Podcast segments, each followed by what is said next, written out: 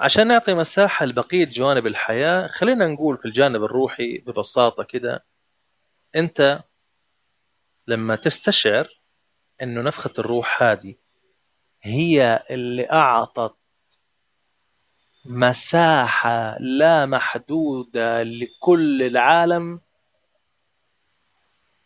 أعطت كل شيء بلا انقطاع تعرف أنت مدى قوة وأهمية وعظمة الاتصال بالقوة الذاتية. خليني أعطيك مثال صغير جدا. الآن لما في اثنين يتزوجوا في عملية بتصير صح؟ هذه العملية هي من أجل يكون عندي ابن يكون عندي بنت. هذه العملية قد إيش بسيطة قد إيش سلسة. قد إيش أيضا ممتعة قد إيش فيها من الاتصال العميق والجميل بين الذكر والأنثى كمتزوجين قد إيش في حالة من النشوة والسعادة أشياء كثيرة صح؟ بعملية بسيطة جدا هذه العملية البسيطة جدا من الاتصال ولدت عمر لما يجي الابن أو البنت تحدث أشياء فوق ما نتصور أشياء يعني مسؤوليات وعمل وحركة والابن بندخله المدرسة وبعدين الجامعة بعدين نشوف كيف يتزوج بعدين وبعدين يتوظف بعدين كذا. في حياة ثانية يعني هذه العملية البسيطة من الاتصال خلقت لنا حياة أخرى مع ابن مع الابن.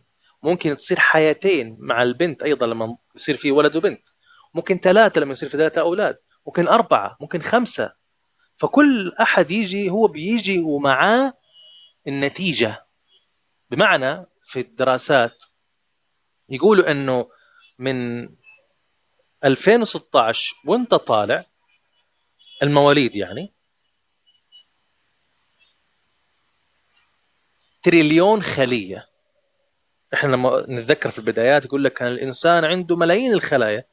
لما وصلنا لعام 2005 ولا 2008 تقريبا آه، قالوا إيه دخلنا إحنا في مليار خلية. 2016 إلى 2020 دخلنا في التريليون خلية 1000 مليار. معناته مع مرور الوقت كل ما يحصل عملية اتصال كل ما يحصل تضاعف أضعاف أضعاف أضعاف من الخلايا. فهذا ببساطة يعني إحنا بنحكي على شيء مادي والأطباء يأيدوه ويأكدوا عليه وبالتالي الذكاء يتضاعف. كل جيل يأتي هو مع الذكاء يتضاعف مع الفكر أكثر أوسع. وبالتالي إياك ثم إياك إنك تستهزئ أو تستهين بهذا الاتصال الحميمي الذي حصل. إنه هذا الاتصال هو عبارة عن نعمة أتت وهي الطفل والطفلة معها الذكاء أضعافك معاها الخلايا أضعافك معاها كل الحلول اللي مش عندك. حتى لو كان المكان اللي أنت عايش فيه الآن هي حياة يعني ماديا صعبة. كيف هذا الكلام؟ هل السؤال المهم هل سألته طيب؟ هل سألت وتناقشت مع طفلة. إيش ممكن تعطينا من حلول؟ هل سألت بنتك إيش ممكن تعطينا من أفكار إبداعية؟ وبالتالي علينا أن نجرب. وحتى نستعيد أيضا ونشكر الله على هذا الاتصال بالقوة الذاتية إنه أعطانا هدول الأبناء على أساس هم يكونوا معنا ويحدث تحالف بين الاب الإبن والأب البنت والأم عشان يحصل تحالف عشان يحصل تناغم عشان يحصل تطور وازدهار مستمر. هذه العملية لما أنت تنتبه لها كويس حياتك شفت تصير نقلة مش طبيعية مختلفة. عشان كده روبرت كواساكي لما جاء تكلم وقال عمل كتاب اللي هو الأب الغني والأب الفقير كان يوريك يقول الأب الغني بيعمل كده والأب الفقير بيعمل كده الأبناء واحد. يعني أنت لو أخذت هذا الابن ووديته في بيت غني تمام؟ بمعنى غني بالفكر يعني في نتائج ما في شيء كده جاء بيوم وليلة يعني. إذا أنت حاب تعرف إنه الغني ليش صار غني والفقير ليش صار فقير العملية ببساطة العقلية. والاتصال بالقوة الذاتية هذا متصل بالقوة الذاتية هذا منفصل عنها. في ناس أوكي إحنا عارفين. ما نس... ما نتكلم عنهم هذول الناس اللي هم اغتنوا بطرق غير مشروعة. لكن إحنا بنتكلم عن الناس العصاميين اللي هم بدأوا من الصفر اللي هم اشتغلوا ولقوا لحالهم. أو لقوا لهم إرث بس عرف يستثمروا الصح. لأنه في ناس بيجيهم إرث وبأرقام لا تصدق.